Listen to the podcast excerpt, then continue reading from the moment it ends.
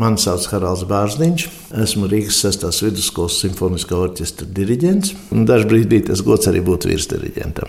Vai tu zini, ka tās nianses, kas ir patiešām ļoti mazas, simfoniskā orķestra un pūtēja orķestra atšķirības? Tās mazās niansītas atšķirības starp simfonisko orķestru un pūtēja orķestra specifika taisnība pievēršoties jaunu muziķu izglītībai, viņa atbildībai, viņa skaņdarbu interpretācijai. Jo nav noslēpums, vismaz, lai neapvainojas, es pats esmu orķestra fans, un tas man ir mērķis. Šobrīd jau zināmā mērā tas valstī ir sasniegts, ka arī pūtēja orķestrs sasniegs simfoniskās mūzikas, muzicēšanas tradīcijas. Nu, nav noslēpums, ka vismaz pavisam nesenā pagātnē pūtēja orķestra vismaz eh, Latvijā un arī īpaši bijusi Padomju Savienībā. Vairāk bija tāda ielas muzicēšana, mazliet braurīga, kā tautās mēs stumkaktā, stumkaktā.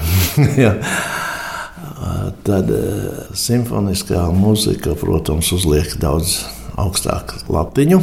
Jo te laikam nostrādā tas, kas ir arī sakarā ar dziesmu svētkiem. Ja mēs pārbaudītu katra dziedātāja profesionālo sniegumu individuāli, tad tur tā kvalitāte dažkārt būtu pavisam tāda apšaubāma. Bet te notiek tas brīnums, ka dziedot kopā vai spēlējot ļoti daudz kopā, tā skaņa izlīdzinās. Cilvēks kaut kā, nu, varbūt arī pat neapzināti pieskaņojās visam tam, un tas aiziet ar lielu tādu pacēlumu enerģētisko pacēlumu. Nu, te man jāsaka, ka to es īpaši izjūtu skolā. Pūtēji orķestrī teiksim, kādas, nu, mums ir liels pūtēji orķestris pie simt cilvēkiem, aptuveni vidējā grupa, kur ir mācību orķestris. Tad eh, klarnets, piemēram, tur ir nu, vismaz kādas 30. Nu, tad, protams, kāds kādu vietiņu sarežģītāk, varbūt tās tik pakustina pirksts un izbrauc uz kādu citu muziķu sniegumu. Tas simfoniskā orķestrī tev ir jābūt gatavam, jo tu esi praktiski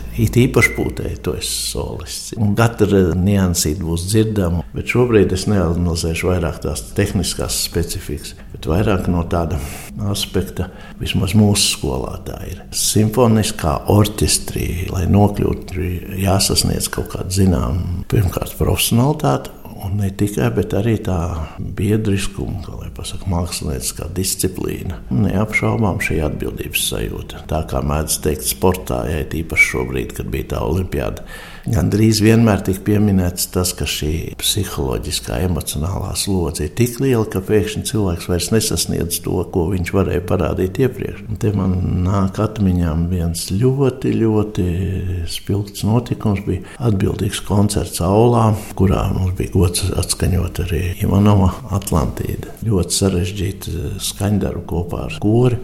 Un kā atsevišķs solo numurs mums bija dārziņa slavenais melanholiskais valsts un man orķestra koncertmeistars pirmā viole, kas bija sevi jau izlicis milzīgi tādā Atlantīdā, es pēkšņi jūtu, ka viņš vairs vienkārši nevar panest to, jo mēs centāmies nospēlēt tik smalki, kas ir dārziņam. Tik varētu var teikt, iekšēji klusināt, skanīgi, bet ļoti klusām, kad es jūtu, ka viņam sāka drebēt rokas. Viņš nevarēja vairs paspēlēt, un tad regulators otrais, es burtiski ar rokradi palīdzi vadīt to orķestri. Un te ir tā simfoniskā orķestra būtība, ka tas iemāca cilvēku mobilizēties, un kā lai vēl tā tā smalkāk pasaka, šeit visas tās matērijas ir daudz, daudz smalkākas nekā varbūt tās ir pūtēji orķestrī. Mēs, protams, ar pūtēji orķestru cenšamies spēlēt, un arī republikā tā ir.